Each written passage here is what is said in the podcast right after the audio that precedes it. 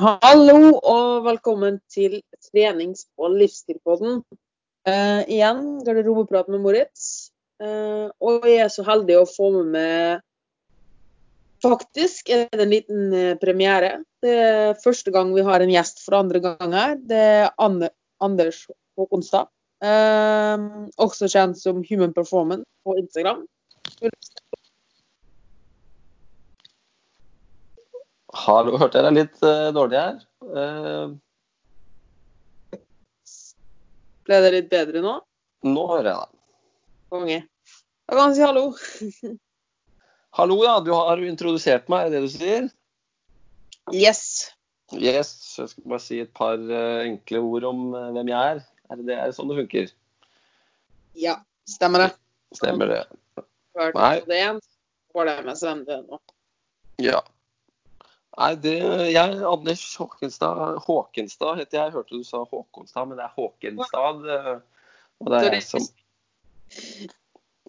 og det er jeg som er human eh, performance, jeg som er driveren bak det. Og jeg er treningsfysiolog og driver da den testlaben Human Performance på Tønsberg medisinske senter. Så det er, eh, det er sånn kort oppsummert relevansen min i, i forhold til trening da, og det jeg driver med til vanlig. Mm. Eh, og du driver jo på Instagrammen din og legger ut ganske mange spennende innlegg, egentlig. Og jeg syns du er veldig flink til å liksom velge ut de tingene som er litt mer sånn clickbaity og litt catchy og sånn, da. Dette her er jo ofte at folk tenker jo da ofte med en gang at dette her, siden at du har dratt fram en eller annen ting, Mhm. tenker at vi starter rett inn på det. Det er litt morsomt, fordi du drar jo frem ting som er litt morsomme, altså morsomme ting som man ser i forskning. Ja. Det er litt clickbait som er litt catchy. Eh, men det veldig mange ikke skjønner, er jo at du gjør jo nettopp dette her for at det skal være litt catchy og clickbaity. Men folk tror da at dette her er 100% sannheten og er i alle tilfeller bare fordi du har funnet noen studier på en ting.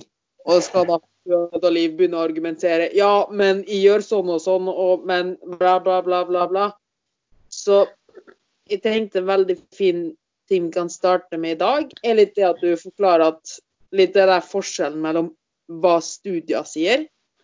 Eh, vi snakka for så vidt litt om det forrige gang også. Litt det der forskjellen fra hva studier sier, og hva, hva som funker for enkeltindivid. da, fordi forskning og studier handler jo om det store bildet, altså gjennomsnittet. Eh, og Mm. hvorfor kanskje føler at dette her ikke relaterer til dem. da.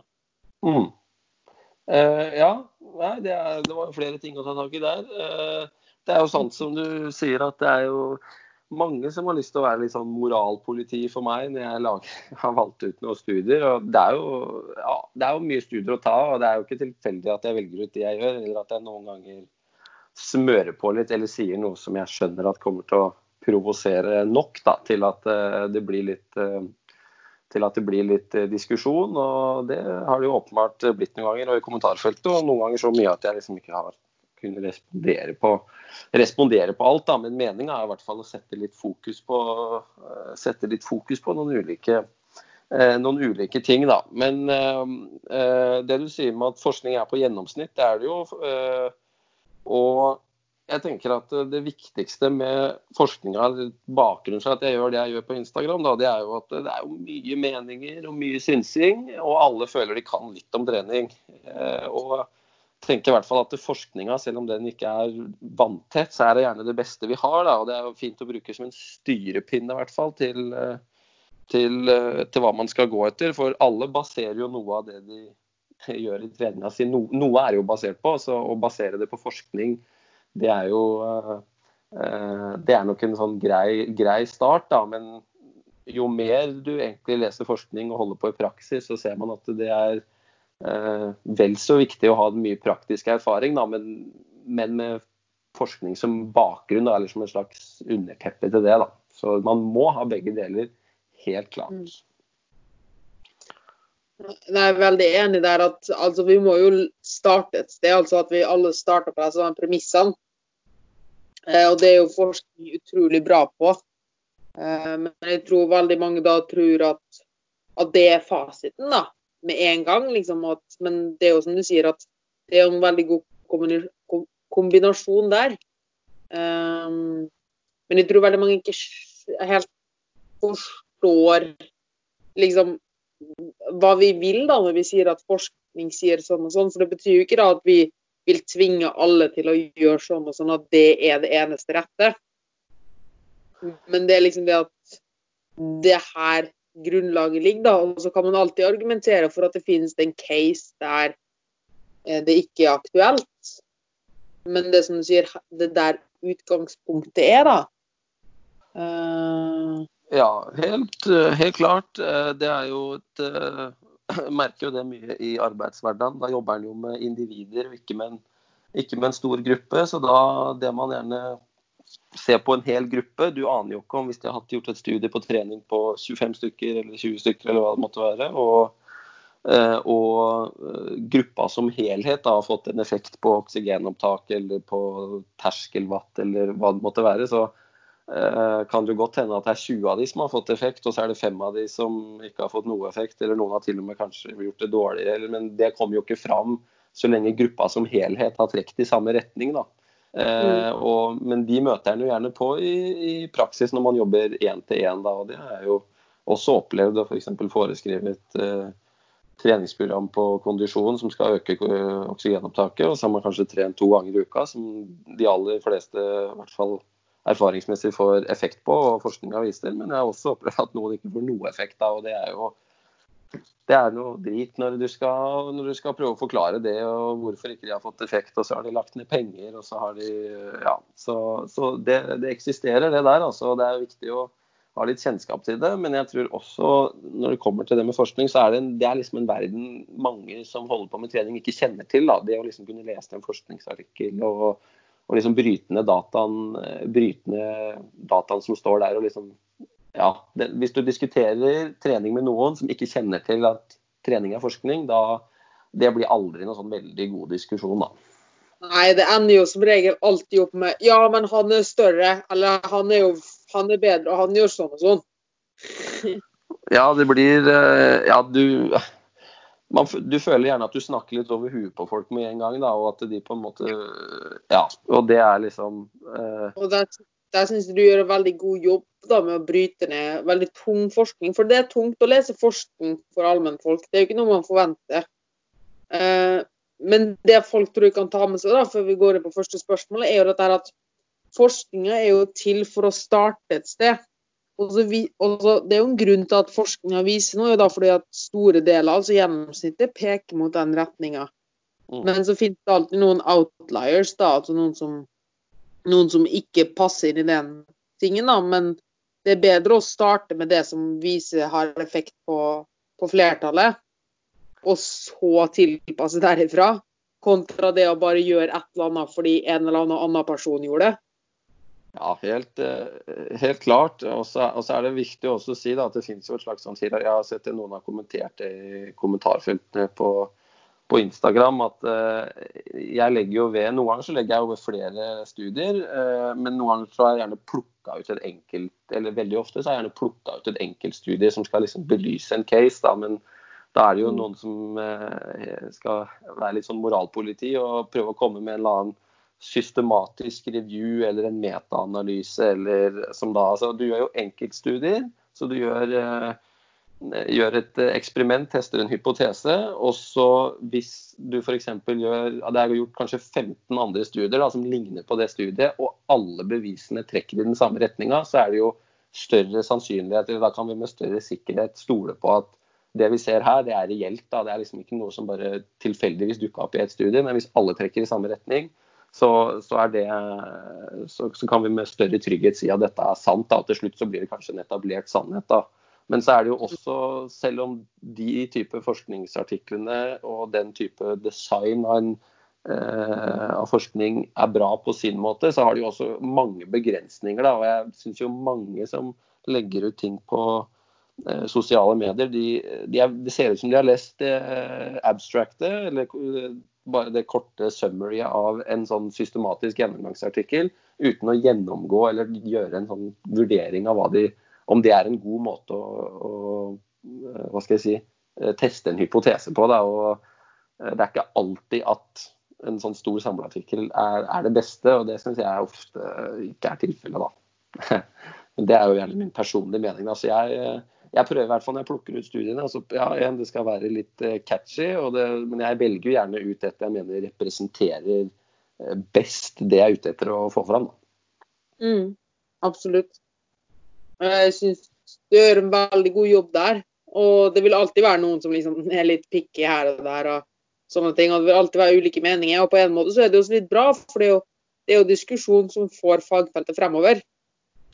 Helt, uh, helt klart. og de, de, aller fleste er jo De aller fleste leser jo ikke altså Jeg legger jo kilden her, men de fleste leser jo ikke. For de stiller jo spørsmål i kommentarfeltet som tyder på at de ikke har lest det. Og det er veldig sjelden jeg får noe spørsmål Det er veldig sjelden jeg får noe spørsmål om Eller hva skal jeg si, noe faglig spørsmål tilbake som er veldig retta mot akkurat det jeg har skrevet, eller akkurat det som står i forskningsartikkelen. Da. Det er veldig mye sånn egne meninger å se på det andre her. og man, det blir egentlig bare et sånn veldig stort sammensurium etter hvert, ikke sant? som er vanskelig. og Du vet ikke hvor du skal begynne å svare. og det, det er litt sånn, ja, det er vel litt sånn det blir da når det er på Instagram og sånn. Men det, igjen, det skaper i hvert fall engasjement. Da, så trening fenger i hvert fall. Det er helt klart. Det gjør jo det. Og det funker jo helt klart. Du får jo flere og flere følgere, og du får mer og mer eh, engasjement rundt det. Uh, men det, jeg synes det var litt morsomt det du sa med å liksom velge ut noen studier og sånn. Og som du sier, da, at det er ingen som faktisk stiller kritiske spørsmål til Eller veldig få da, som faktisk går inn og leser studiene. Uh, ja. For det, det, gir dem et lite poeng her. Og det er jo nettopp at det du snakka om, en sånn der velge ut noen få studier, er jo nettopp det folk gjør for å argumentere for en tight case, eller for et kosttilskudd. For f.eks. fatburners og sånne ting, da.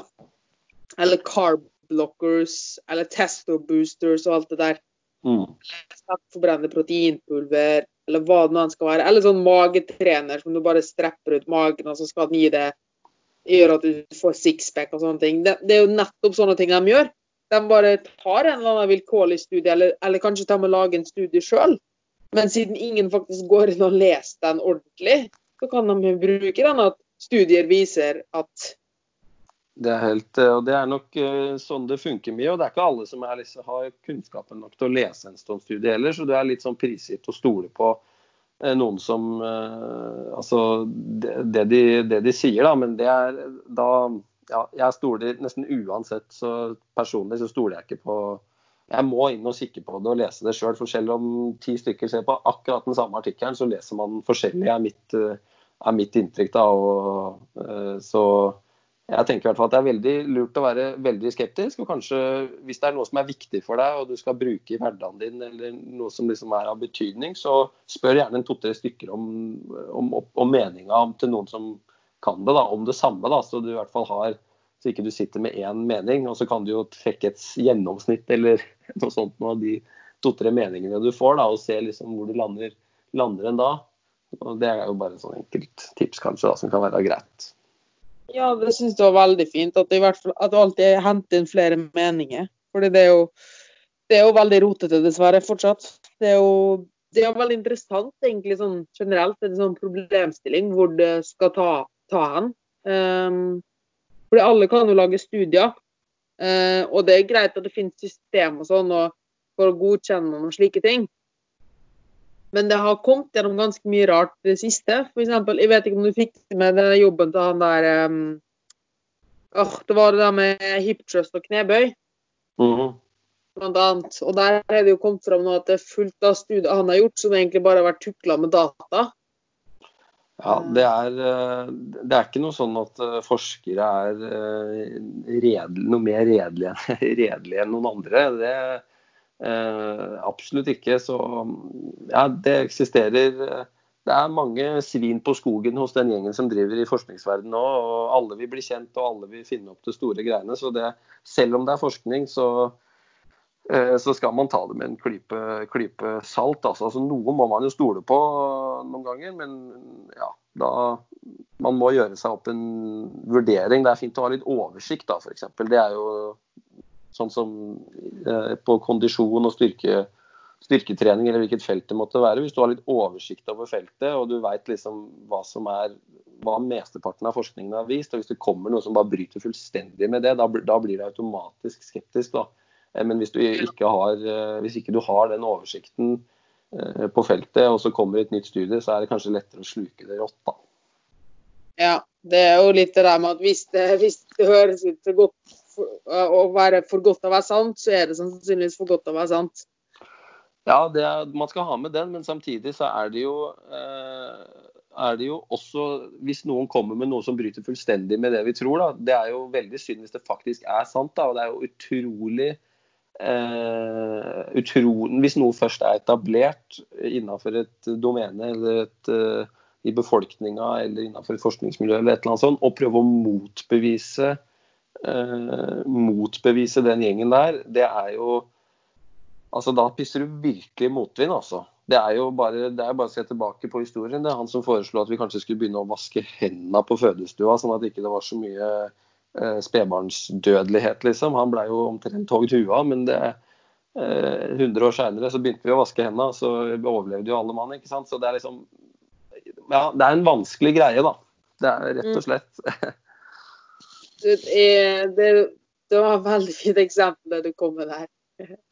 Jeg kom på en annen en da, som ikke er såpass drastisk. og Det er jo litt mer sånn myteomspunnet og sånn, da, men det er også litt sånn etablert bro science. da. Mm. Og det er litt sånn første spørsmål altså, det er jo det at eh, folk Det er så morsomt, fordi jobber, vi jobber jo begge i daglig basis som personlige trenere også i tillegg. Mm. Um, og det er så gøy å høre når folk sier de har så lavt blodsukker, eller at de, hvis de trener styrke f.eks., og så klager de over at de ikke har spist noen timer før, og at de er helt tom. Mm. Uh, eller at de ikke kan trene uten å ha spist mat. For de er tomme glykogenlager, eller tom for karbohydrat. At de, de spiste ikke noe karbohydratrikt før trening. Nei. Eh, det er så morsomt når folk tror at de, de hvis de ikke har den maten på to-tre timer, at liksom karbohydratlagrene deres er tomme, da, at de tapper de lagrene på en styrketrening. Og Der er det alltid litt morsomt å vise litt forskning til dem, da, hvor lite glykogen da vi faktisk bruker i en vanlig styrketrening. da. Mm. Eh, kanskje du kan si litt om det, hvor, hvor mye hva, hva, du faktisk bruker, da, og hva som, hva som faktisk skjer. da. Ja, Generelt i utholdenhet og styrke, da, sånn, med tanke på at folk tror at at med mindre de spiser én eller to timer før trening, at de blir, vil bli tappa helt, da.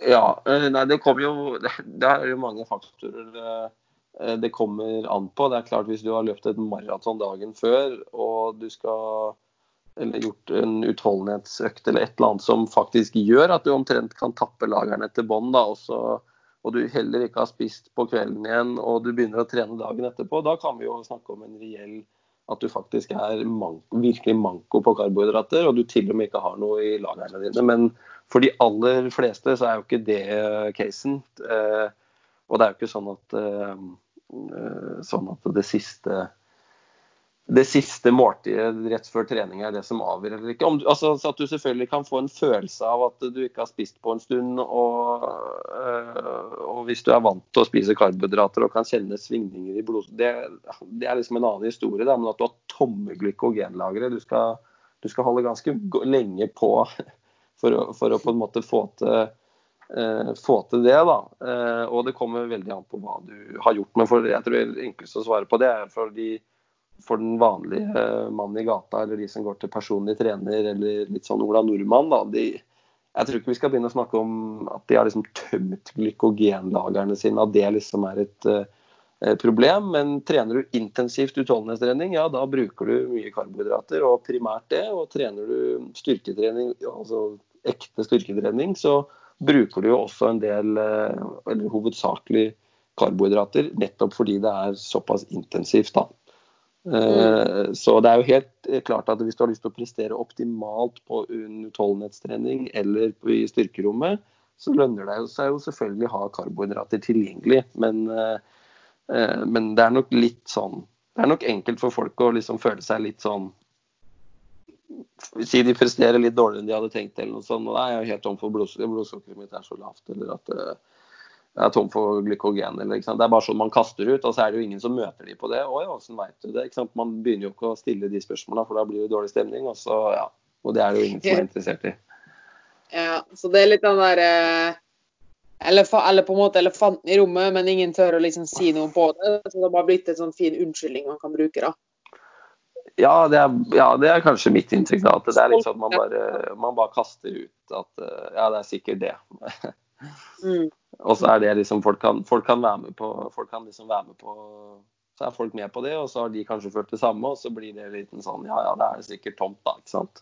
Men når man begynner å så man hadde gått og virkelig sjekka det, og så er det ikke nok ikke sikkert eh, det hadde vært så enkelt, da. Mm. Så sånn kjapp takeaway på det første spørsmålet er jo egentlig bare det at for, for, for vanlige folk da, som driver med mosjonister, da, med andre ord, egentlig, det er sjelden at glykogen eller karbohydrat er en begrensning. Eh, det er jo ofte ikke sånn at du henter ut energien fra økta for måltidet du hadde før. Nei, vil, er, du sa det fint der. Det er, det er nok ikke snakk om at uh, tomme glykogenlagre er noen begrensning for prestasjon. Det, det, tenker jeg er en grei oppsummering på det, altså. Mm. Og så var vi jo litt tidligere litt inne på det at du drev og trente ganske mange for å få bedre kondisjon. Mm. Uh, og det var litt det jeg ville ha som hovedtema i dag. Og det var litt det med at først litt sånn uh, hvorfor Ola Nordmann bør øke kondisjonen sin. Gjerne en som er litt overvektig. Mm. Uh, og så litt senere hvordan han kan starte opp. da, Hva, hva Ola Nordmann bør gjøre da, for å komme i bedre form. Sånn, ja. For å øke CO2 maks, da, med andre ord.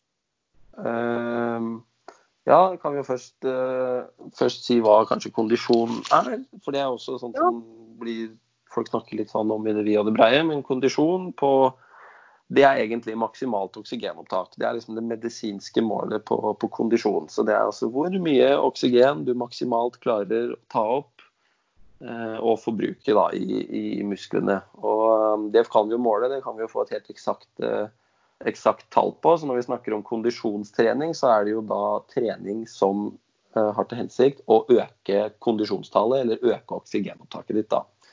Og grunnen til at vi er så veldig opptatt av det, er jo fordi at det har, nå har det vært 40 år med forskning i virkelig det vide og det breie på i alle deler av verden, uavhengig av rase, alder, kjønn, som viser at det er den sterkeste risikofaktoren eh, for tidlig død, men også fra hva skal jeg si, eh, spesifikk død fra bl.a. også eh, visse krefttyper, og, og særlig da hjerte-karsykdom. Hjerte så, så, det på lik linje som kolesterol er en risikofaktor, høyt blodsukker, eh, overvekt, alle de risikofaktorene legene vanligvis er veldig opptatt av, så er jo kondisjon en risikofaktor, og den er sterkere enn alle de andre. da.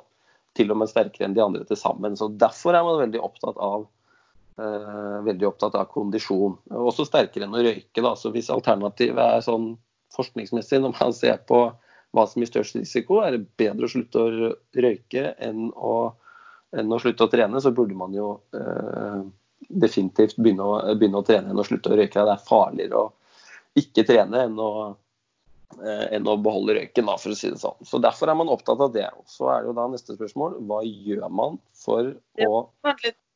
Vent litt, bare et lite side note her. Det var utrolig interessant det du sa med den røykinga. fordi hvis du ser ut på befolkninga nå, så er det nesten litt skambelagt eh, å røyke. Altså, det er veldig få som begynner å røyke akkurat nå. og De som røyker, får, blir nesten litt uglesett. da. Altså, Det er veldig upopulært, da. Ja, det er ikke det det, det, er ikke det, det en gang var. Nei, men samtidig så er det ingen, ikke særlig mange som bryr seg om du ikke trener. Men alle driver og sier at å, røyking er så farlig, røyking er så usunt, og du ødelegger kroppen din. Men det er veldig sjelden noen sier akkurat det samme, altså behandler det å ikke trene på samme måte.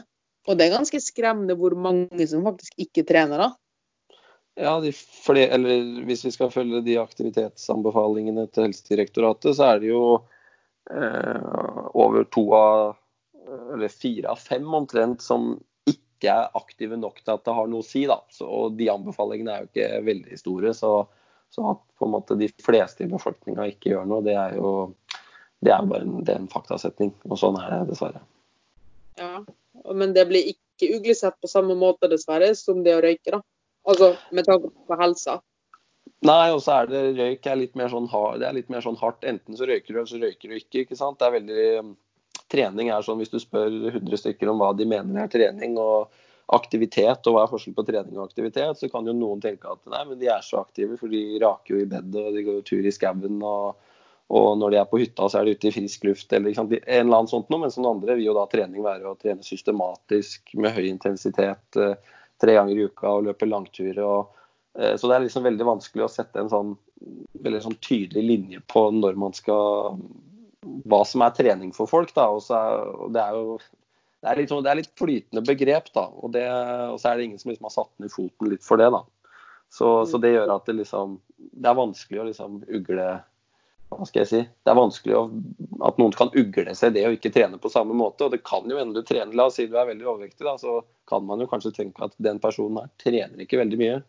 Men det kan jo hende de, det kan jo hende de gjør det. Så ja, det er litt, litt annerledes enn, en med røyk, da på, på den måten. Mm. Så tilbake, beklager det lille sidesporet, men jeg syns det var et veldig interessant ting å ta opp. Ja, ja. Eh, så tilbake til det hvordan Eller en ting som du kanskje ikke nevnte helt, for folk får forstå. Hva er det egentlig som skjer?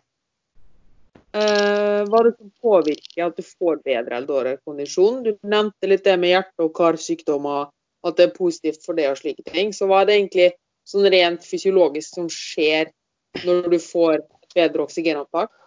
Ja, eh, ja det er et godt spørsmål. Eh, kan si de fleste tror at oksygenopptaket handler om lungene. Det er det de aller fleste tror. At, eh, at hvis du har et bedre oksygenopptak, da fungerer lungene dine bra. Og, og det gjør de for så vidt. Eh, men det er bare én del av loopen. Så når man tester oksygenopptaket, da går man jo bare på en tredemølle eller sykler eller et eller annet noe, så har man en maske på munnen.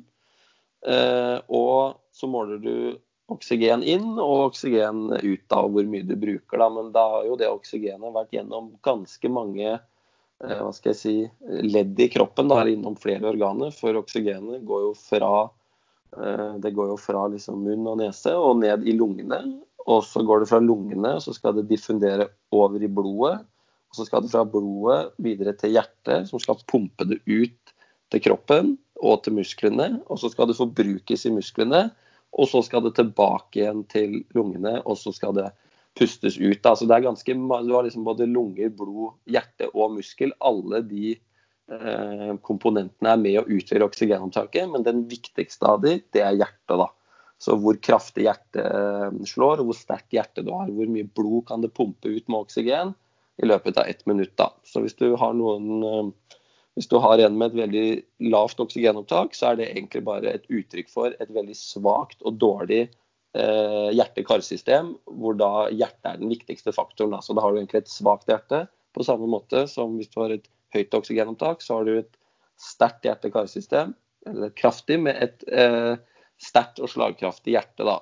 Det er så egentlig bare eh, det er egentlig hjertet som spiller den store rollen her. og Det er det som gjør, skjer når du får bedre oksygenopptak. sånn primært at eh, du, eh, at du rett og slett får litt kraftigere hjerte. Hjertet ditt kan pumpe mer oksygenrikt blod ut hver eneste gang det slår. Da. Så Det er egentlig det som skjer. Ja, Så egentlig styrketrening for hjertet, da, med andre ord? Ja, det kan du si. Mm. Uh, og det er vel kanskje også derfor at man kan måle litt enkelt og greit Eller derfor det på en måte er bra med lav hvilepuls, da, for det tyder på at hjertet kan slå ganske kraftig og sende ut ganske mye oksygen på hvert slag. da. Det er egentlig, det er egentlig det er helt riktig. Det er akkurat det som skjer. Du, du, kroppen, når den ligger i hvile eller ligger og sover, så trenger den en viss mengde med blod og oksygen Eh, i minuttet. Men hvis du har et sterkt hjerte, så klarer du å pumpe mye mer blod og mer oksygen i hvert slag, så da trenger du ikke pumpe så ofte. Så da går hvilepulsen ned. Altså hvilepuls er, er, et, eh, er et, uttrykk for hvor, uh, hvor sterkt og velfungerende hjerte du har. Det er det. Og du hadde vel faktisk nettopp et innlegg om dette her, med tanke på at Eh, det finnes en litt sånn, sånn teori, eh, eller hypotese, men det der at alle har et x antall slag da, eh, på hjertet, sånn cirka. Stemmer det? Ja. Det da vil du, da vil du, være veldig fordelaktig da, å, å ha, bruke litt mindre slag i hverdagen. Ja, når man ser på, ser på hvilepuls, så ser man at eh, de som Altså tre, eller det, jeg skrev, det var at det er, vi skal ha ca. tre eh, for, vanlig, for dyr så er, ser man at eh, grensa går på rundt en milliard slag, mens for mennesker så er det på tre milliarder slag ca. Men eh, før det liksom før jeg, før jeg synger på siste verset. Eh, men, og en lav hvilepuls da, det gjør på en måte at du sparer på slaga. Da, og, eh, og det er jo, jeg kan si, etter å ha jobba i mye med pasienter, og, eller mest med det egentlig, og det er, det er ikke uvanlig å se hvilepuls på mellom 80 og 100 slag i minuttet. Altså, og det er noen av de som har 100 slag i minuttet, de er jaggu meg medisinert for å ha De er medisinert ned på 100 slag i minuttet. Eh, så, og da har du gjerne typisk at de har både hvilepuls kanskje på 100 som er medisinert ned, og så er de sterkt overvektige og har et oksygenopptak som bare som du liksom vi andre hadde sett på Mount Everest. ikke sant? Så ja, det er jo Skal du prøve å levere den beskjeden om risikoen knytta til det på en pen måte, det er jo en kunst. Det kan jeg bare si. Ja, det kan jeg tenke meg. Altså, du, du, du sier jo egentlig enkelt og greit altså Hvis du har en som har hvilepuls på 50, da, og en som har hvilepuls på 100, Mm. så kan du jo nesten si at du kommer til å leve halvparten så lenge som han andre. Ja, det blir vel ikke riktig så gærent, men, men at eh, Nei. sånn, sånn, Litt- sånn statistisk så det Så pakker du bagen tidligere, ja du gjør det. Det er ikke det er ikke noe Altså det du sier i hvert fall det, Dette er det veldig mye risiko knytta til, og dette ville jeg gjort noe med. Det er i hvert fall beskjeden. Ja. Eh, Men hva er det de kan gjøre, da? Da kan vi jo komme litt inn på det. Hvordan kan Ola Nordmann forbedre hjertet sitt, få et sterkere hjerte, få bedre kondisjon? Ja. Eh, Det er egentlig ganske enkelt. Jeg har sikkert verdens kjedeligste svar nå, men fire ganger fire, det har sikkert alle hørt om, intervalltrening. Eh, Det er i hvert fall ekstremt godt dokumentert. eh, Og det er eh, rett og slett, som du sa, styrketrening for hjertet. Da. Hjertet er en muskel på lik linje som som skjelettmusklene, og skal du på en måte belaste den sånn at den utvikler seg og hva skal jeg si, får en adaptasjon, da, så må du rett og slett overbelaste den litt. og Da vil du fylle, fylle hjertet maksimalt opp med blod, og du vil det skal pumpe mot et, et eh, høyere trykk og så kraftig eh, slag som overhodet eh, med så mye kraft i hvert slag som overhodet mulig. Og Da må du ha høy intensitet. Og fire ganger fire da, det er ikke noe sånn at det er noe magisk med firetallet intervaller på tre minutter hadde nok gjort eller det hadde gjort samme nytta. og Hvis du har lyst til på i åtte minutter, så er det enda bedre. Men fire ganger fire er da du holder på intervallen i fire minutter. Så det skal være liksom så intensivt at uh, hvis noen spør deg hva skal du til helga, så kan det gå vente i fire minutter før du kan svare på det. Uh, og så skal du ha tre minutter aktiv pause imellom intervallet. Så da kan du snakke om hva som helst. Det er bare snakketempo før det går på et nytt intervall. da. Eh, og Det er godt dokumentert på så mange pasientgrupper og på, alt, og på idrettsutøvere og, og alt. Og, men ideen er bare at det skal være høy intensitet over et gitt tidsrom, da, over en liten periode. Så når jeg har pasienter som liksom For å gjøre det så enkelt som mulig, så sier jeg ja, du går vel tur eller rusler litt. Ja da, det gjør de jo. Og da er det noen bakker der. Ja, det er det. Ja, tenk neste gang da, så skrur du opp tempoet litt i den bakken. Sånn at du kan være litt sånn god sliten og andpusten i tre-fire minutter. Og hvis du går en runde da eller en løype, så gjør du det en tre-fire ganger. Poenget er bare å ha høy intensitet. Det er liksom eh, slogan med fire ganger fire. Da. Men fire ganger fire, lett å huske, lett å forholde seg til, relativt kort. Og derfor er det liksom en enkel, eh, en enkel ting å anbefale. Da. Ja, veldig bra. Eh, men det finnes, som du sier, da, så finnes det uendelig mange forskjellige oppsett. Eh, men hele poenget er jo at du skal få en gitt tid i en gitt intensitetssone. Eh, stemmer det? Ja, det er viktig. Ja, det kan vi, vi holder det der. Ja, det stemmer. Er det noen sånn enkle og greie ting? Fordi ja, sånn, hvis man skal det, Som sagt, da, så er det jo utrolig mye å løpe i, da, i forskjellige intervaller og sånn. Mm. Men hva ville du sagt at Hvordan kan du klassifisere om dette her var en god kondisjonsøkt eller ikke? Altså hvilken intensitet Hvor mye prosent f.eks. av Hvor mye av makspulsen din bør du ligge på? Hvor lenge bør du ligge der? Litt sånn. Ja, eh, for de som eh, bruker pulsbelte, så vil jo det, da skal du ligge på 90-95% av makspuls. Så det er jo ganske intensivt. Eh, og det er ganske kort vei mellom at det er krevende, men overkommelig, til at det er helt jævlig.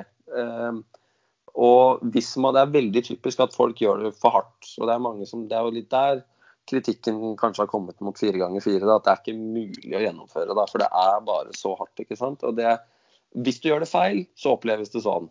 Eller hvis du gjør det for hardt, da. Eh, Mm. Men hvis du gjør det riktig, og da er det veldig greit å styre på pulsen eh, Så da er det liksom, ja, er du under 90% så er det litt for lett. Og ligger du over 95 så er det litt for hardt. altså da er det på en måte hele tida pulsen som styrer eh, hvor du skal ligge, da.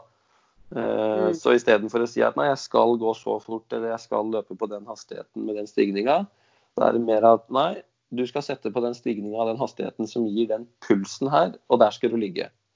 Så, så det, er, det det litt lettere å styre, men de fleste har ikke tatt Hvis du skal vite noe om pulsen din, så må du ha tatt en makspulstest. Og, og derfor er det veldig lett å styre på en sånn subjektiv skala, gjerne, da, og den funker gjerne veldig bra. En sånn noe som heter Borg-skala. Går på fra 6 til 20, og 6 er da at du sitter stille, og 20 det er det du sier hvis du ikke har noe mer å gi. da. Og på Mm. den skalaen da, så ønsker man at man skal si 17, da. Sånn at jo da, det var krevende, du kunne ikke slått av en samtale, men ok, du hadde liksom et par dager til før det var maks, da. Eh, og det er liksom en Den styrepinnen fungerer egentlig utmerket, da. Så poenget er egentlig bare for de som De fleste har jo ikke pulsbelte og tar jo ikke en sånn test. Rett og slett bare bli så andpusten at hvis gubben ved siden av deg spør ah, hva skal vi spise til middag, så må de vente i fire minutter. Ja. Det var egentlig veldig fint. Så ikke, du skal, jeg tror det er veldig mange som liksom tenker enten ingenting eller 110, da. Så derfor blir det da ekstremt tungt. Ja. Um, men er det sånn at dette, det er kun dette her som gir effekt? Altså må, må Ola Nordmann, som aldri har trent, se rett ut joggeskoa og fire ganger fire? Eller vil man i starten oppleve effekt, altså mindre, mindre intensiteter og sånn? Ehm, hva skal jeg si Altså det, all, det, jo, det er mange faktorer som spiller inn på hva slags effekt du får. Og er du eh, sånne ungkalver som oss, da. Eh, vi kunne jo, hvis vi drev med moderat trening, f.eks. gikk tur i en time halvannen i liksom sånn passelig tempo, det var ikke kjempeslitsomt, og du kunne liksom føre en samtale. Vi, kunne, vi hadde aldri sett noen økning på eh, oksygenopptaket på det. Vi er liksom for godt trent til det, da. Men på på veldig uttrente, de får også økning, på, økning i kondisjonen sin. og Det er gjerne det vi må definere effekten som her. da, Siden nå vet vi at kondisjon er så viktig. Og så er spørsmålet da hvilken trening har effekt på kondisjon. Eh, og moderat trening, ja det har en effekt på, eh, på de som er veldig uttrent. Men da skal du være virkelig uttrent, altså. Eh, men det har jo uansett to til tre ganger dårligere effekt. da, til tross for at du, du gjerne holder på 10-15 minutter lenger da, når de har sammenligna med 4-4. da. Så, så sånn, du får ikke noe i nærheten av det samme igjen. Eh, og det er jo litt som når man skriver ut medisiner, så sier du ikke du vi har en som ikke er så effektiv, og du må gjerne spise litt mer av nå, men så har vi en som er veldig effektiv. Da funker alltid, liksom. og Det er jo det vi er ute etter. Hva er det som gir mest effekt? da, i hvert fall, Som synes jeg Vi er pliktige til å opplyse opplyse om det, sånn at folk ikke tror, litt som jeg tror mange tror, at når de har gått en time i skauen, så har liksom helseeffektene bare flagrer rundt dem. Da, og det gjør de ikke. Vi er jo enige om at det er bedre enn ikke noen ting. Men spørsmålet var om det hadde en god effekt på kondisjon, og om du trente hjertet ditt. Og da er det rett og slett eh, eh, høyintensiv trening som, som gjelder, altså. Det, ferdig Det- snakka. Et veldig godt poeng. Det tok du også litt inn igjen på det der med hva folk definerer som trening. Og at det er en, helt, det er en stor forskjell på det å være aktiv og det å faktisk trene. Ja, de fleste, som, de fleste som er aktive, i hvert fall vi følge eh, dataene til Helsedirektoratet, de, er, de går tur. Eh, og det er vel og bra det, men man må vite litt hva man får igjen for det. Da. Sånn at hvis du går tur sånn vanlige folk ser på å gå tur, så ja, det er bedre enn ingenting. Men det argumentet er litt lei, liksom. Vi må ikke sammenligne med ingenting. Vi må spørre hva er det som er optimalt. og Eh, optimalt ser ut til å være å påvirke kondisjon. Og så lenge den turen inneholder noen bolker av litt høyere intensitet og at du er litt sliten og andpusten, eh, ja, da har det kjempeeffekt. Men for de fleste så har det ikke det, da. Men du trenger ikke gjøre så mye, og det er et poeng her. For hvis du følger anbefalingene, så skal du være aktiv 30 minutter fem dager i uka, eller at du kan være litt mer intensiv uh, hver gang, og så kan du holde på litt mindre, da. Men hvis du f.eks. gjør en fire ganger fire-økt, eh, eller trener intensivt eh, på den måten, så holder det to ganger i uka i fremgang og én gang i uka vedlikehold. Så det jeg pleier å si, er sette av åtte uker da, hvor du gidder å gjøre det to ganger i uka for å ta kondisjonen din opp til et visst nivå. Og så kan du heller trene én gang i uka etter det da, og holde det der. Eh, og det er snakk om Det har virkelig alle tid til. Hæ? Og det har virkelig alle tid til. Ja, man må, er, man må, se på det som medisin. Man må ikke se på det som Jeg pleier å si at den tida du ikke bruker på, på um, uh, helsa di nå, den må du bruke på sykdommen din seinere. Uh, så du må se på det som en investering da, uh, for seinere. Det, det, er veldig lett å si når du ikke sitter med noen sykdommer og ting ikke hva skal jeg si, og ting ikke går dårlig der og da, men livet ser det hele tida. Det blir så snudd på huet for folk. altså når, når en får en eller annen sykdom, eller du får et hjerteinfarkt, eller eh, et eller annet som det snur rundt på huet for deg sjøl, og ikke minst og veldig mange rundt. da, så man må på en måte tenke litt forebyggende og tenke, tenke være litt sånn føre var, da.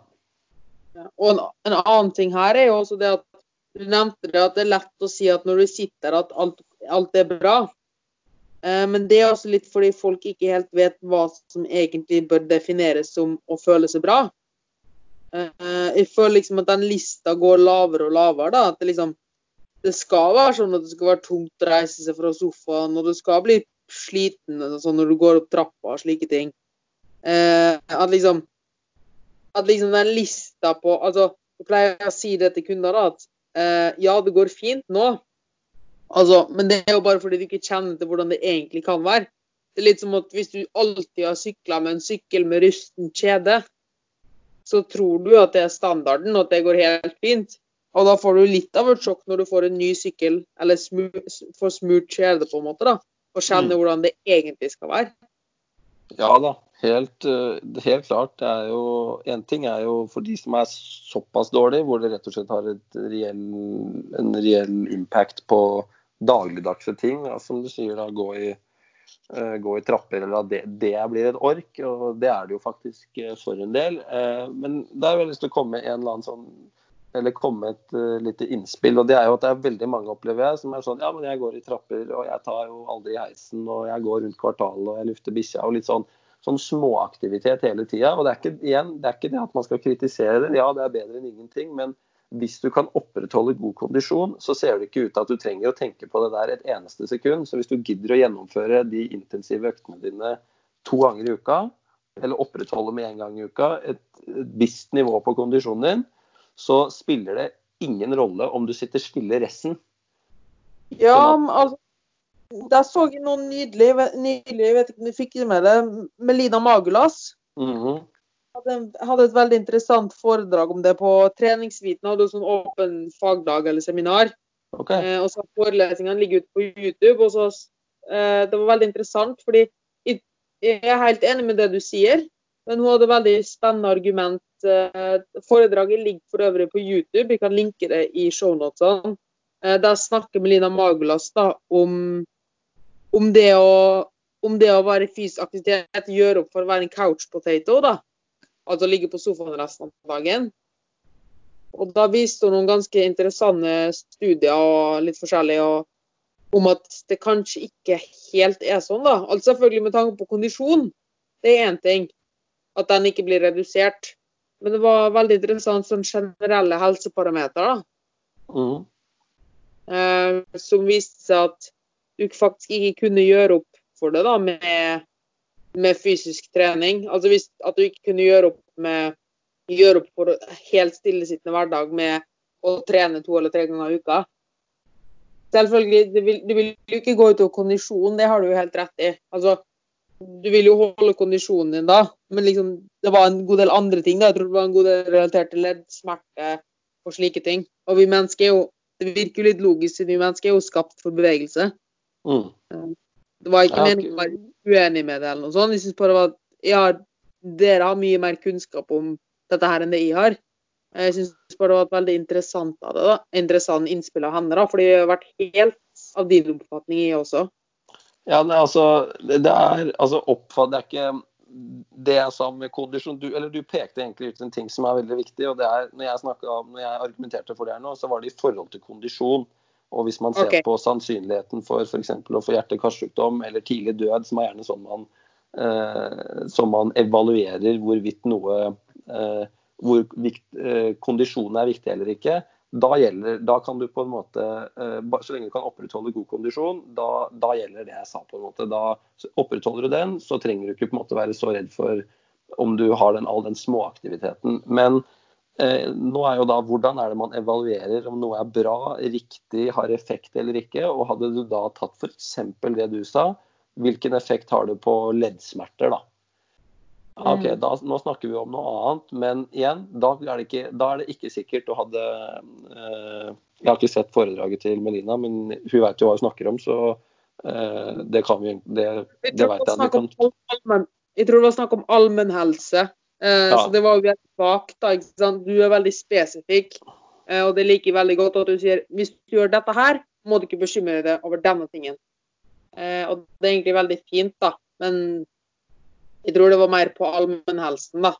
ja, ikke sant? Sånne, param, sånne parametere. Men det er jo, det er jo veldig viktigere, og, viktig. Og f.eks. det med leddsmerter. Men er det, da må man lytte med Da må man bare nyansere det nyansere det sjøl. Men sånn bottom, line uansett, så er det altså eh, Hold deg i Altså sørg for å holde deg litt i aktivitet til. Du kan ikke bli sittende stille eh, stille inne. Det er jo egentlig, egentlig veldig, veldig enkelt, men allikevel, hvis du hvis man skal se på sannsynligheten for å få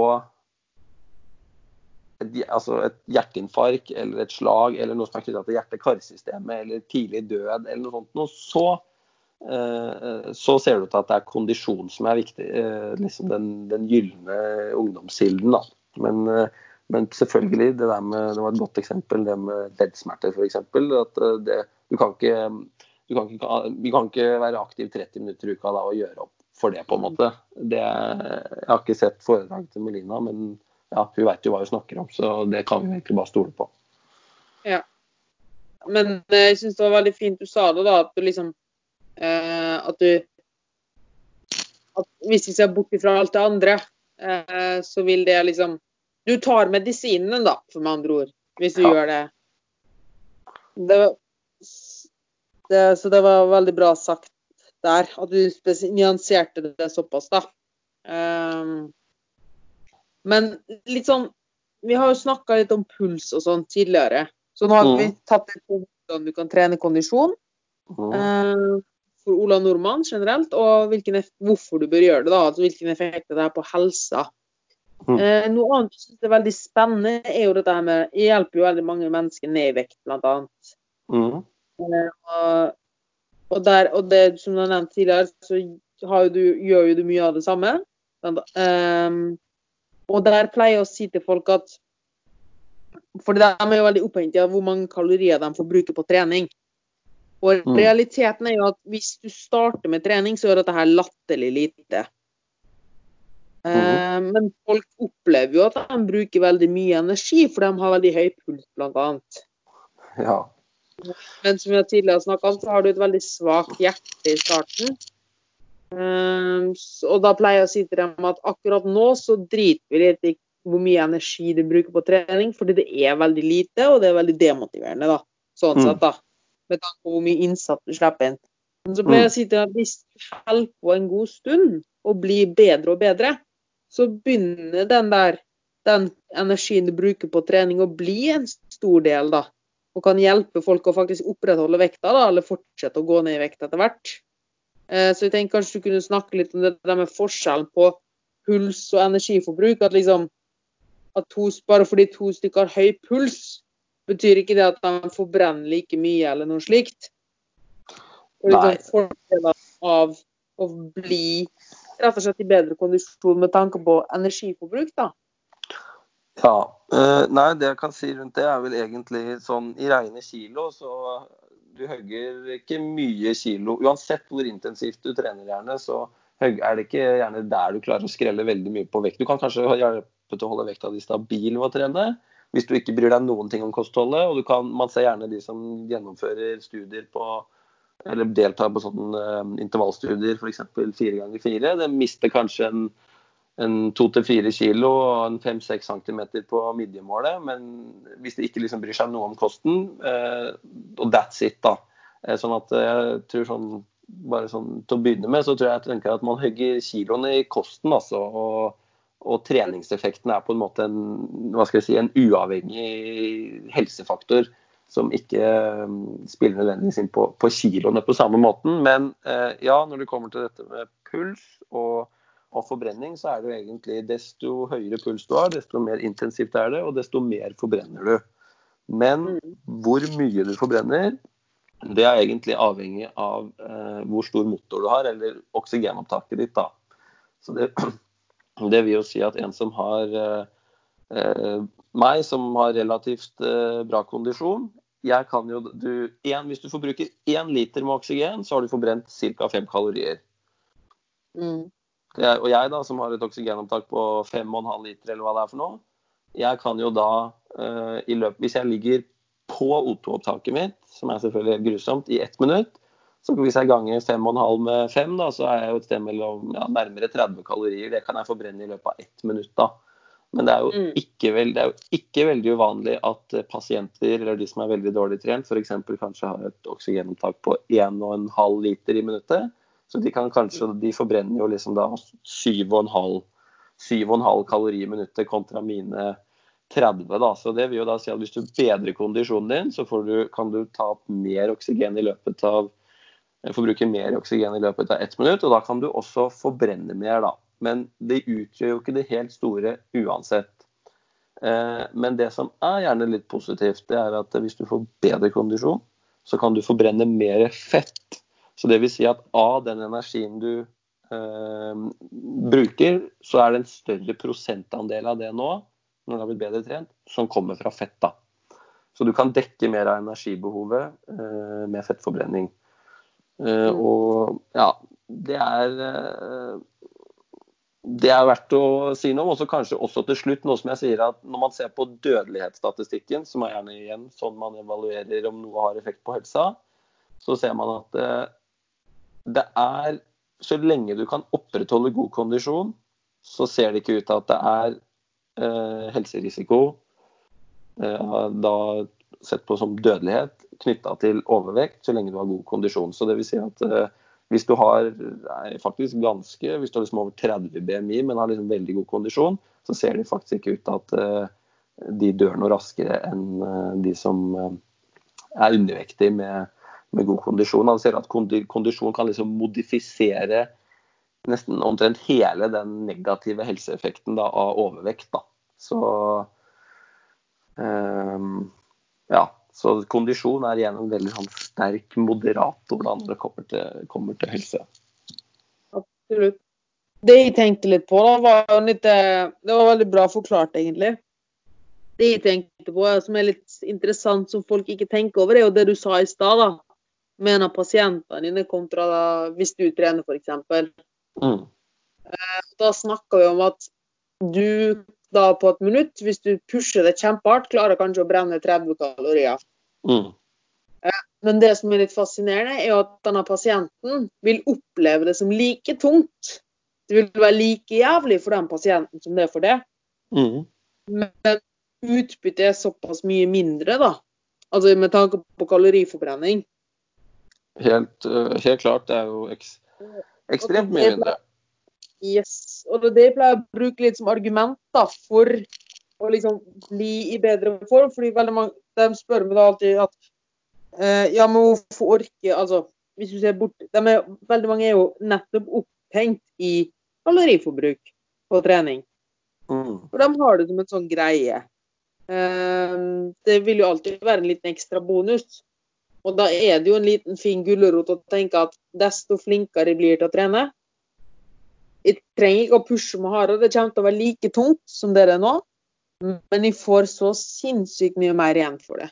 Jeg tror la oss et eller annet sted at Ola Tufte, da, det er jo en veldig kjent roer, Mm. han hadde vel et oksygenopptak på sånn 80 milliliter eh, per kilo kroppsvekt eller noe sånt. Eller 90. Jeg er litt usikker på hva han har, men jeg tror det er nærmere 70. Rett og slett fordi at han eh, Altså, han veier jo Han har jo opp mot eh, 7 liter i minuttet, vil jeg tippe. Men nå veier han jo 100 kilo òg, så det betyr jo at da har han jo 70, da. Eh, Ja. Sånn at per kilo kroppsvekt så blir jo en roer som han litt eh, undervurdert. Men, eh, men han har jo et helt latterlig høyt eh, evne til å f.eks. forbrenne kalorier, da. Ja, for sånn, Et eksempel da, som folk skjønner hvor mye det er snakk om her, når man er såpass godt trent. Han kan spise, han, Hvis han trener på sin terskel, da, så kan han egentlig spise én banan i minuttet. En liten banan i minuttet, på en måte. Og Mm. klar, Eller ja, blir det ikke det, da? Jo. Ja, Hvis du tenker at terskelen ligger på ca. 80 av O2-opptaket, og hvis han, har sju, hvis han har 7 liter i minuttet, da kan, du forbrenne, da kan han forbrenne 35 kalorier hvis han ligger på VO2 maks, og hvis du tar 80% av 35, da. Så jeg vet ikke hvor mye det er i en banan, ja, men det er jo kanskje ikke så lite. Går an på banana, kanskje. Å, nei, ja, da tenkte jeg litt feil. Men jeg hadde hørt et sånt regnestykke Um, Ja, anyways. Det er ikke så farlig.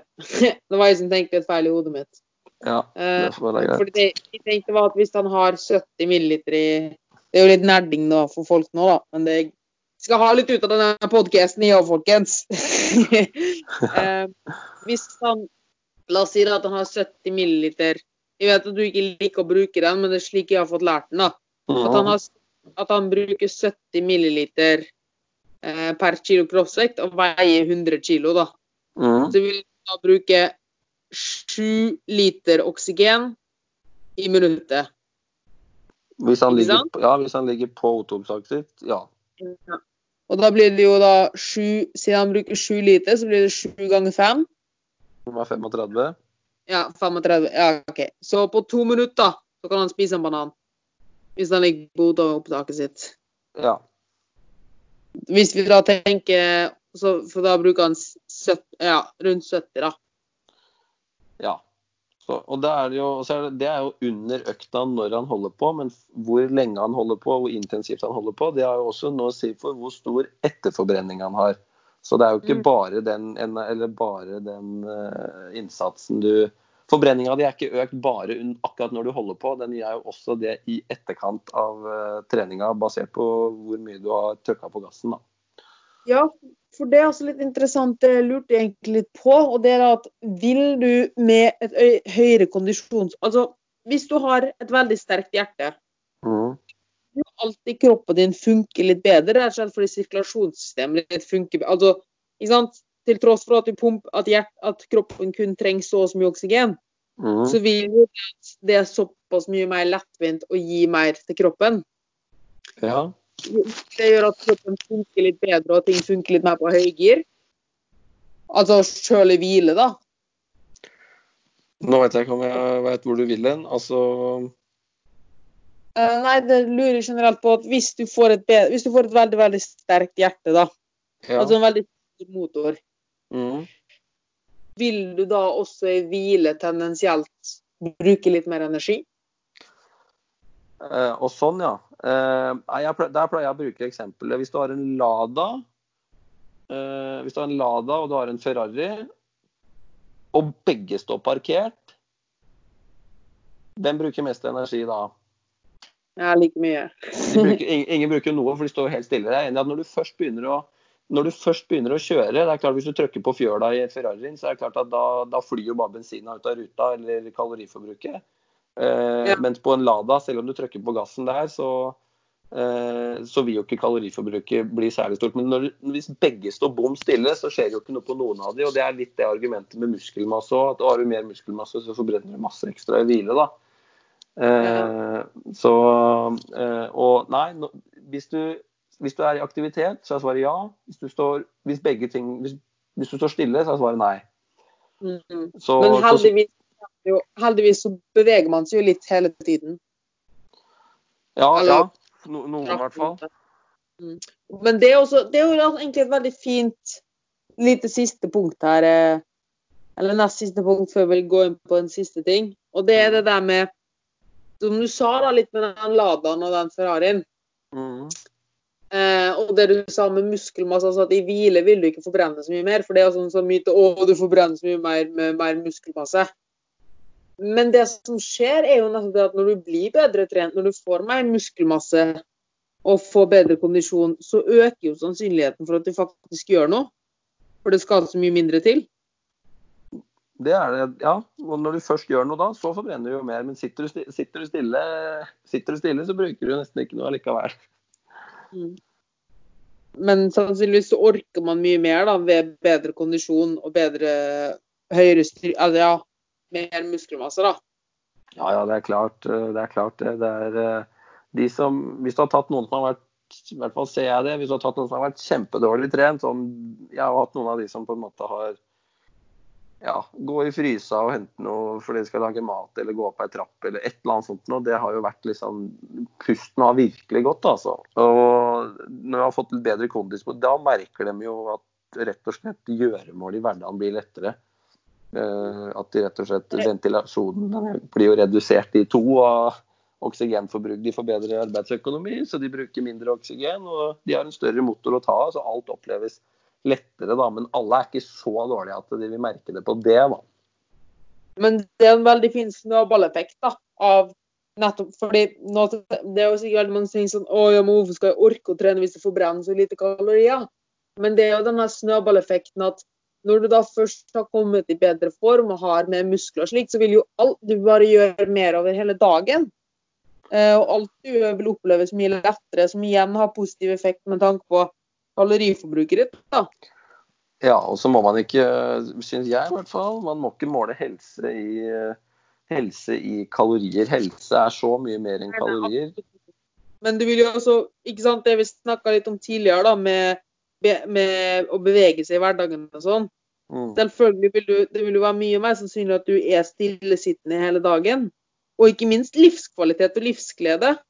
Tenk hvor mye folk går glipp av når de rett og slett ikke orker noe annet enn å sitte på, i, på sofaen. Så tenk hvor mye mer muligheter man har til å oppleve ting. Eh, hvor mye mer man kan gjøre, hvor mye bedre kroppen har det når man begynner å trene. da. Ja, det er ikke, Jeg kan jo bare se så langt til min egen mormor, som er 80 år og har vært aleine siden tidenes morgen omtrent, så lenge jeg kan huske i hvert fall. Men hun satte vi jo på fire ganger fire på mølla og tung styrketrening. og Hjertet hennes ble jo så trent til slutt at hun forelska seg jo pokker meg. Det var ikke det som var meninga, men altså, da, du får jo på en måte en helt eh, Altså, du, du, åpner seg helt andre muligheter, da. Mm. Sånn at du, du, Altså, ja, hun har jo vært en som har gått i losjen og holdt taler og litt sånne ting, men plutselig nå så er hun blitt så godt trent, så nå fant hun, seg en annen fjellgeit. Så nå flyr jo de oppe i Hemsedal og går tur i fjellet, og Fordi nå kan de jo plutselig det. I en alder av ja. 80, da. Så, du, så, det åpner jo opp noen helt andre muligheter, helt, helt klart. Og det er jo bare, det er bare altså det er jo den takknemlige delen av jobben, da, når man ser at noen at det har direkte innvirkning på, på, på, livet deres eh, som bedre livskvalitet og mer frihet og ja, you name it. Folk, nei, livet er så mye mer enn Netflix og bare TV-serier. Altså men jeg skjønner jo at det er veldig ork, at man ikke orker å gjøre så mye når det er tungt. For da, da vil jo det da vil man ikke oppleve det som en glede hvis det bare er tungt å gjøre det. Ja, det blir, noen, blir lett, en, en, lett en ond sirkel. At det er tungt at man gjør noe, og så velger man å ikke gjøre noe. Så blir det enda dårligere, og så blir det enda tyngre. Og så, og så, mm. ja, så går, det, går, det, raskt downhill. Det gjør det altså. Dessverre. Så man må bare starte et sted, egentlig. Og det er jo ja. som du sier, at det er å bare starte med trening, og så kan du, du kan, får du bare fortsette å røyke. Og, Og som du sier også men det altså, Det var litt ekstremt, da. Men også det med overvekt, at uh, det er ikke farlig nødvendigvis å være overvektig, men for guds skyld vær i aktivitet. Ja, det er i hvert fall mindre farlig å være overvektig hvis du har god kondisjon. Det er uh, i hvert fall mantra. Mm. Uh, helt til slutt så vil jeg Du har snakka litt Hatt litt sånn spennende innlegg om det med multivitamin. Ja, jeg hadde vel ett, vel ett innlegg om det, ja. Mm. Det syns jeg var litt spennende, fordi det er jo veldig mange Nå kan det hende at de trakk på noen såre tær der ute, skulle jeg si.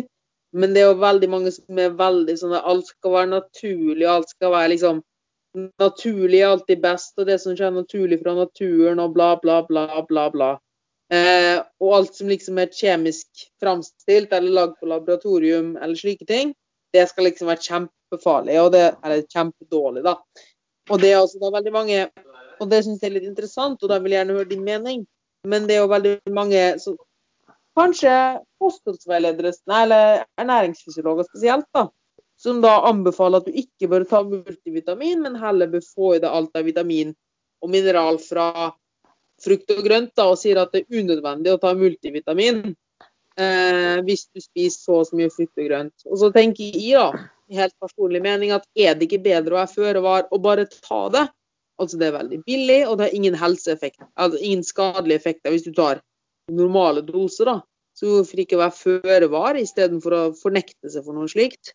Um, hvis jeg skal, altså aller først her, hvis, Siden jeg da ikke er klinisk eller næringsfysiolog, men treningsfysiolog, så hvis jeg skal begynne å uttale meg veldig om, eh, om, om noe kosthold, så, har jeg vel, eh, så blir det vel skuddpremie for meg, tenker jeg. Hvis, eh, hvis jeg går veldig hardt ut med hardt ut med det. Så, så, siden det på en måte ikke er mitt hva skal jeg si, Det er ikke der jeg har den formelle kompetansen min, selv om jeg har interesse for det. da. Men mm. jeg kan jo bare si noen personlige tanker rundt det.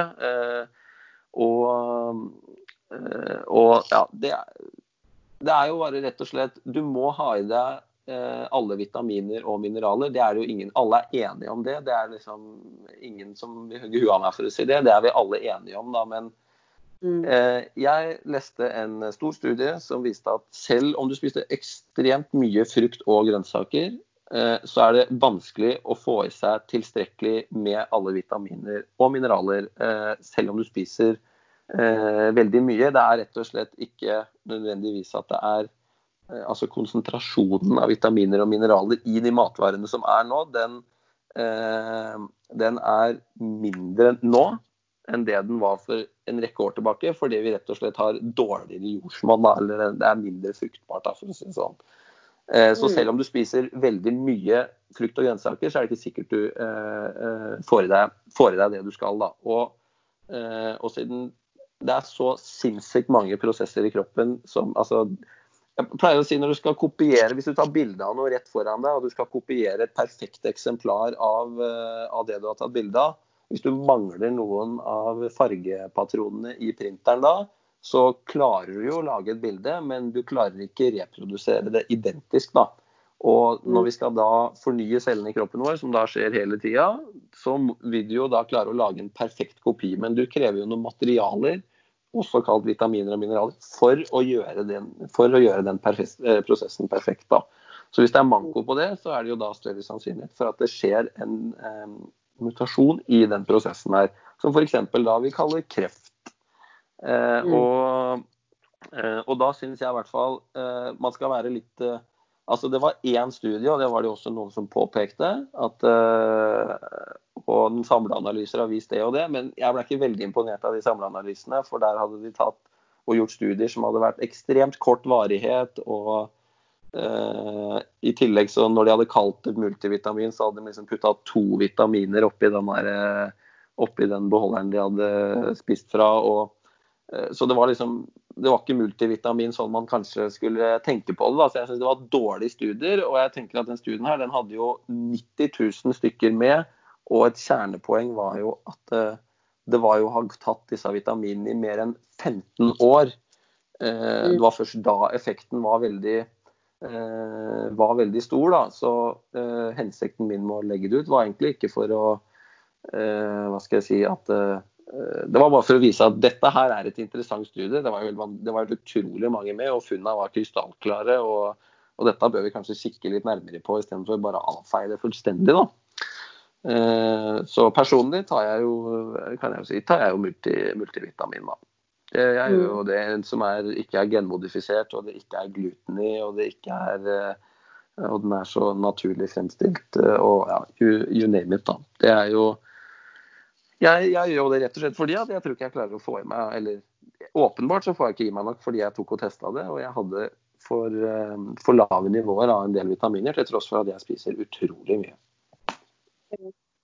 Det jo, gikk jo litt vel hardt ut, det ene der, og det var veldig fint at du tok det litt ned igjen. Jeg liker veldig godt.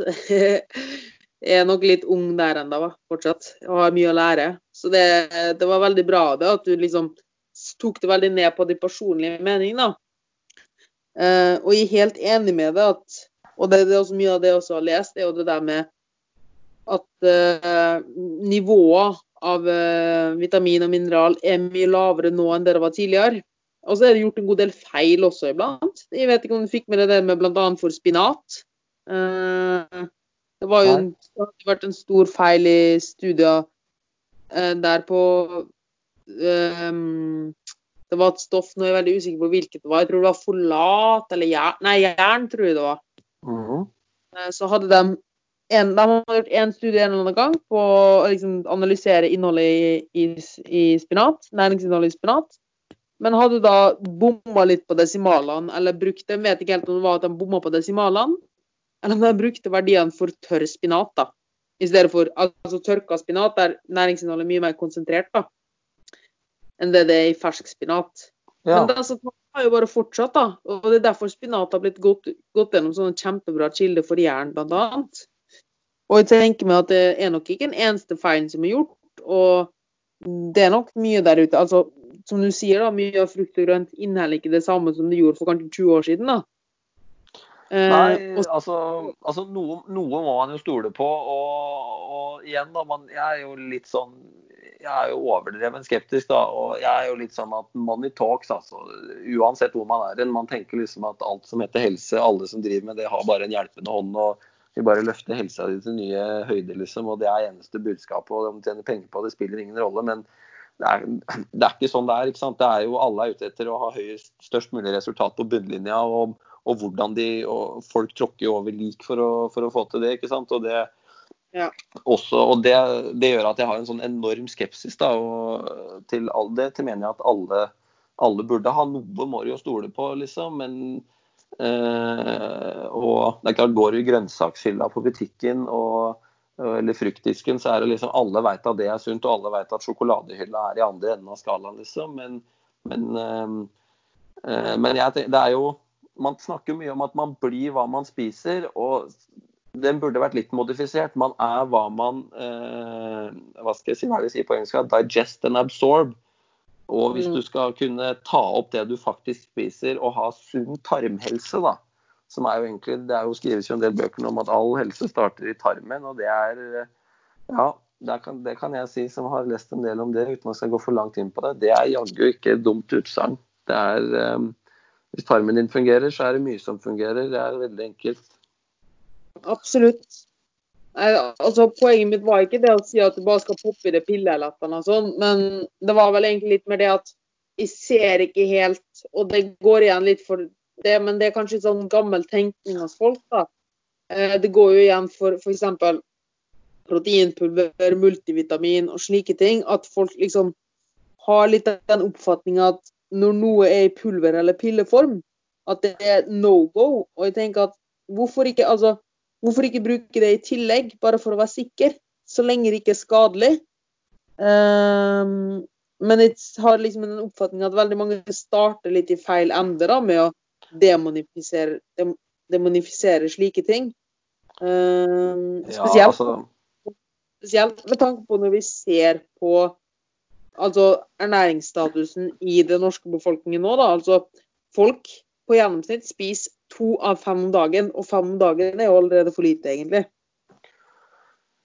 Ja, altså men folk, altså Det er for mye meninger, og det er noen som klarer å lage overdrevent mye lyd. Da. Sånn, det, er jo, det er bare å snakke med noen som har vært veganere. det, folk, Da kan de gjerne gå inn på McDonald's og spise, og det er ingen som lurer på om de får i seg det de skal. Men så fort noen skal liksom bare begynne å spise frukt og grønt, liksom, så tror jo folk liksom da har, har du mista det, liksom. Hvordan skal du få i deg dette her? Mens det er ingen som spør om det samme hvis du skal inn på Mækkern. Og det er bare sånn Nei, det er så mye sånn Hva skal jeg si? det er så mye sånn myter og så mye sånn snakk som går rundt. og man egentlig liksom, Det er jo ingen som stiller de kritiske spørsmålene. Det er jo ingen som, det gjør deg jo bare sykelig upopulær. Det er jo, det, hvis, så Jeg har jo mange, jeg har jo kunder inne hos meg som sier ja, er jo litt aktiv, liksom. Jeg spør jo ikke for å huke dem, jeg spør jo for, de bare, for å høre litt om hvilket forhold de har til det og sånn. Ja, de er jo mye ute i frisk luft og de er på hytta, liksom. Så er det bare ikke sant? da er vi kommet til, Det er ikke snakk om at de trener, det er ikke snakk om at de kan si at de går tur 30 minutter. Nå er det rett og slett blitt sånn at hvis de er ute i frisk luft, så karakteriserer de det som en eller annen form for aktivitet som skal være helsebringende. Da. Og er det min, altså Hvordan skal du på en måte ta vekk den illusjonen? Og si at eh, altså det, frisk luft er ikke det samme som å hjertet slå, hjertet slå litt under en treningsøkt. altså. Og man vil jo ikke gjøre seg sånn upopulær. Så er det lettere å si ja, herregud, vi er også ute i frisk luft, og ja, vi går masse altså, Det er lettere å bare bli med på den bølgen hele tida. Og sånn tror jeg det er litt på flere arenaer og, eh, og overalt. At man snakker folk etter munnen, fordi det er det letteste. Eh, for man ser jo bare jeg liksom klemmer til med en liten sånn linje ekstra på Instagram eller, eller noe sånt, så er jo altså enda hagler jo innboksen. og så Noen kommenterer jo og blir jo ordentlig forbanna, ikke sant. Så mm. jeg skjønner jo at liksom Ja, men det er viktig at noen av oss tør å liksom ja, presentere noe som setter et liksom kritisk søkelys. Da. Det er jo kanskje det jeg syns er problemet med mye som kommer til kosthold og trening og helse. Vi er ikke kritiske, vi sluker det rått. Går ut til legen og legen sier skal du hoppe med huet først utafor kanten her, nede ned i asfalten, så gjør jo nesten folk det. ikke sant? De bare stoler blindt på det de får. De lurer ikke på om noen av de før dem har fått noen bivirkninger eller om dette egentlig er så jækla sunt. og om, hva er liksom, De spør ingenting, de bare følger etter. da. Og Det mener jeg er et stort problem. Ja, og det snevrer egentlig, slutter jo egentlig sirkelen litt. Det var jo litt det vi starta med, at det er så mange meninger og så mye synsing der ute. Og det kan godt hende at noen har opplevd det ene av å gjøre X eller Y. Eh, men det blir liksom bare videreført da, i stedet for å faktisk stille seg kritisk til det. Um, og det bringer oss jo litt inn igjen på vikt, til tross for at det er mye forskjellig forskning der ute, og det finnes veldig mange rare studier, så er det rett, og det finnes mye sprikende resultater slikt, så er det faktisk her vi må legge grunnlaget. For hvis ikke så går ting bare helt ad undas. Ja, Fordi det... alle kan dra et eller annet ut av Altså, om mm. noen føler seg bra på lav ikke sant? Det er jo et strålende eksempel som ikke mange kjenner til, er at folk tror karbohydrat er kjempedårlig. Og hvis du vil ned i vekt, så må du kutte karbohydrat. Og så Det som blir brukt som argument, ja, men det funker for meg. Eller ja, det funker for meg her. Og så begynner folk å spinne opp helt hinsidige teorier. Men med en gang man har litt Altså, alle studier peker i den retninga. Det er ikke karbohydrat som er feil. Det er et kalorioverskudd. Og et kaloriunderskudd gjør at du går ned i vekt. Og det har ingenting å si om du gjør det med lav karbo, høy karbo eller hva som helst. Og det er det alle studier som peker mot. Men når folk ikke stiller seg kritiske og bare ser å ja, men Turid gikk ned i vekt på lavkarbo, så da må det være lavkarbo som er tingen. Og så begynner folk å komme på helt rare forklaringer på hvorfor. Og sånn går det jo i alle retninger. Så det er jo der forskninga ligger, da, for å ha så etablerte, grunnleggende sannhetene. Og hvis det er noe nytt som skal sprike ut, da, så vil jo det etter hvert bli en trend i forskninga også. Ja, det er ikke alltid Jeg opplever jo, det kan jeg bare si, det er ikke noe, forskning er jo veldig fint å ha. altså når, Uansett hva som blir sagt, da, så er det jo liksom spørs, Enten jeg gjør noe i Enten jeg har sagt noe her nå, eller om jeg gjør noe på jobb i bedriften, eller hva enn, så må jeg på en måte tåle det kritiske søkelyset. Hvor jeg blir stilt til veggs, så, hvor noen kan si hvor pokker har du det herfra, hvorfor gjør du det her, liksom. Og så må jeg kunne liksom legge noe på bordet, da. Eh, og liksom Jo, det er basert på det her og det her. Eh, men det er jo eh, Det er Hva skal jeg si for noe? Uh, glapp jeg nesten litt hva jeg skulle Det var, det var egentlig et jækla godt poeng. Nei, det var, det var, egentlig et poeng bak det, men jeg merka det, det glapp litt. Så jeg tror uh, jeg skal ikke prøve å bruke tida til å tenke på det. Kan, kan, det være at det at du tenkte på, var at du må faktisk kunne argumentere på hvor, hvorfor du gjør det du gjør? Uh, og at det må liksom Det å si at ja, men det funka for X eller Y det er ikke et bra argument. Uh, ja, det, det, var, det, var noe, det, var noe, i den, det var noe i den gata der uh, om at uh, Personlige anekdoter betyr jo ingenting. Nei, det, altså, nei.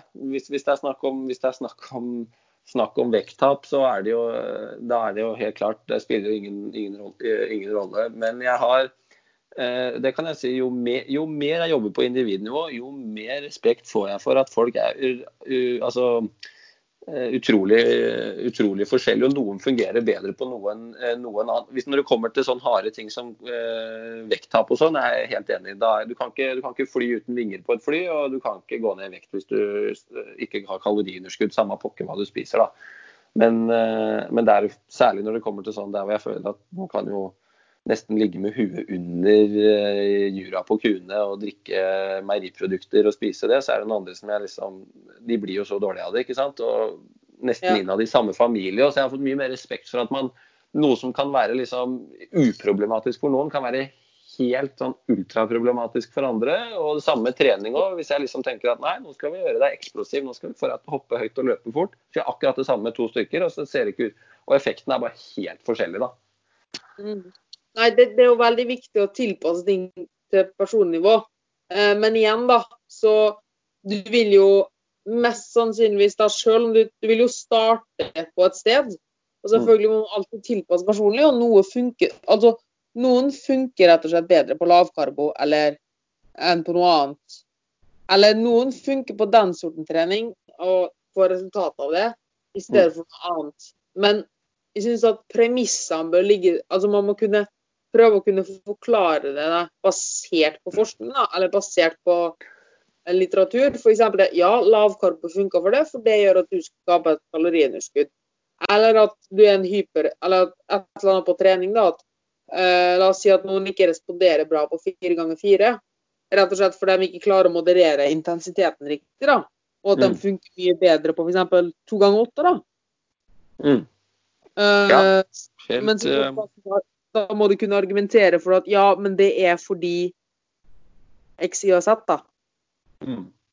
Ja, det, jeg, jeg, er helt enig. Er, eh, men igjen, uansett om du har verdens beste treningsprogram, verdens beste kostholdsplan, så handler det jo om å både trening og kosthold det er jo noe aktivt folk skal gjøre. Er, de må jo selv legge ned en innsats. ikke sant? Det er jo så lett med den pilla. men uh, når du skal, altså En ting er å få det til en uke, men når du systematisk over tid skal klare å gjennomføre noe, da må man du må nesten nå inn til folks uh, De må ha en eller annen litt dypere grunn da, til å gidde å gjennomføre, liksom. Som jeg sier til jeg har du lyst til å leke med barnebarna, eller, skal vi begynne å se på gravstøtter? Eller hva, liksom, hvor, hvor, står vi hen? Hva, hvor er vi? da? Det var litt fleip, da. Men jeg, liksom, no, det, er, det, er, litt seriøst òg, da. Hva er, du, hva er, det du, ønsker? Hvorfor skal du ønske å enten komme hit og bruke penger én til to ganger i uka, eller hvorfor skal du gidde å bruke 30 minutter på det her? Hva, skal, det spiller ikke noen rolle hva jeg setter opp hvis ikke du er interessert, liksom. Så, så å nå inn til Ja, det er Nå inn til folks uh, grunn for å gjøre det de gjør, det ser jeg jo egentlig så mye viktigere nesten enn hvor jeg kan sette opp et bra program. For det, det blir jo, om ikke det blir gjennomført, så spiller det jo ikke noen rolle. Absolutt. Men det, det, det er jo det er nettopp det. Men igjen så handler det om at, også at kunden eller pasienten eller vedkommende for en forståelse på Ikke bare altså, som du sier, Motivasjonen må ligge der, og det er det aller viktigste. Hvorfor de gjør det. Uh, men også det at jeg har opplevd veldig mye at det er når de forstår hvorfor de gjør akkurat det de gjør akkurat nå, da, hjelper mm. veldig mye der. Sånn at mm. de forstår. Og jeg kjører fire ganger fire nå for å få bedre kondisjon. For å så kunne leve, leke med barnebarna mine om ti år, da. Mm. Um, da får du det der eierskapet til det. da, Du får faktisk lyst til å gjøre det, i stedet for bare å tenke åh, hvorfor løper vi fire ganger fire nå? Jeg skjønner ingenting. Nei, du må, og men annet kan jeg skyte inn her til slutt, som jeg pleier å si. Det er ikke det er ingen som syns fire ganger fire er gøy, liksom. Det er ingen som, det er ingen som våkner opp og bare åh, jeg kan ikke vente med å få kommet meg på mølla eller gå i bakker og bli andpusten, liksom. Man må se på det mer som en Det er ingen som syns det er gøy å ta cellegift heller når de har kreft, men de gjør jo fordi det på en måte er til et formål. da, De må det på en måte. og Det samme er med Man må se på treninga og det å være nøye med kosten, i hvert fall mesteparten av tida. da, eh, At man må holde seg litt i tøylene innimellom, liksom. Fordi eh, Eh, fordi det, eh, det, skal bidra til, til, helsa di. Og det er ikke kjempegøy. Alle vil at trening skal være så sinnssykt lystbetont og det skal være så sinnssykt gøy når du holder på. Det er mer sånn nei, det er, ikke, det er sinnssykt deilig etterpå eh, og den følelsen du har da. Men akkurat når du holder på, så er det ikke nødvendigvis at, du, at det er noe sånn eufori. Da krever det er jo faktisk litt krevende, og du må jo faktisk ta deg litt i nakkeskinnet. ikke sant? Og det og det er det verdt, da. Men da syns jeg i hvert fall det er viktig for folk å vite at du trenger ikke ta deg så sinnssykt mye nakkeskinn. Du trenger ikke gjøre det så ofte, og det er ikke så ille så lenge du bare gjør det riktig. Og det er, det får man gjerne folk med på. da. Å ja, men jeg bare gjør dette to ganger i uka i en halvtime og bare være litt sliten i, i fire minutter? Å ja, men det gidder jeg. OK. Ja, så fint. Da gjør ja. vi jo det. Ja. Spesielt når de forstår hvor mye de får igjen for det, da. Ja. Og det er, sånn, det er, jo litt elefanten i rommet som vi tenker vi kan avslutte med. Det er jo det at folk kommer sånn her Å, eller vi er jo begge relativt godt trent og veldig unge, og vi har jo også trening som jobb og som hobby, da. Mm. Uh, så vi trener jo en god del, begge to, vil jeg anta. Ja. Ja, da. Og da er det vel folk som kommer til meg og sier sånn her Å, det som er så misunnelig for at du syns det er så gøy å trene, eller at du har så mye treningslyst. Jeg skulle ønske jeg hadde det samme. Og så jeg føler at er eller veldig mange er sånn der Oi, misunner deg for den treningsgleden eller treningsiveren du har. Og det er litt sånn der Det er ikke sånn at vi står opp og tenker jippi, nå skal jeg ta fire ganger fire, som du sa. Dette blir gøy, liksom. Eh, men man har fått en forståelse på hvorfor man gjør det, da. Og noen ting må man bare gjøre. Som å stå Det er ikke gøy å pusse tennene heller, men du gjør det to, pokker med to ganger om dagen allikevel. Ja, det er eh, Nei, jeg vet, ja, jeg vet da faderen hva folk tror noen ganger. Ja. Men nei, jeg trener jo hver dag, gjerne et par ganger om dagen. Og det er, jeg vil si at i seks av ti av de tilfeller, seks av ti tilfeller så har jeg ikke lyst til å gå. Jeg har bare lyst til å sette meg inn, spise skolebrød, se på Netflix og, og, og full pakke. Men jeg har liksom gjort en avtale med meg sjøl at det, det, sånn, kan det ikke, sånn kan det ikke bli, da. Så, du hørtes litt kjent ut. Hæ? Det hørtes litt for kjent ut. Ja, så, det, så, sånn, er jo, sånn er det jo bare. Og det er jo det var... Oi. Hallo? Hallo? Nå ser det ut som forbindinga røk her. Um, men da avslutter vi her. Uh, tusen takk for at du hørte på denne episoden. Alt av linker sånn som du trenger for å snakke med Anders, du, eller Human Performance, finner du i shownotene. Hvis du hørte denne episoden og likte den, så setter jeg utrolig stor pris på om du deler det i at du hører på den. Vent litt, da. Jeg er akkurat på outroen. Bare to sekunder. Yes. Uh, setter utrolig stor pris på om du kan dele den uh, i storyen din, og tagg gjerne Human Performance. Eh, og med mini-mora mi at du, eh, i storyen, at du hører på. Det hadde hjulpet oss utrolig mye, for vi gjør dette av eget initiativ og vil bare hjelpe mest mulig folk. Så da snakkes vi neste gang. Ha det bra.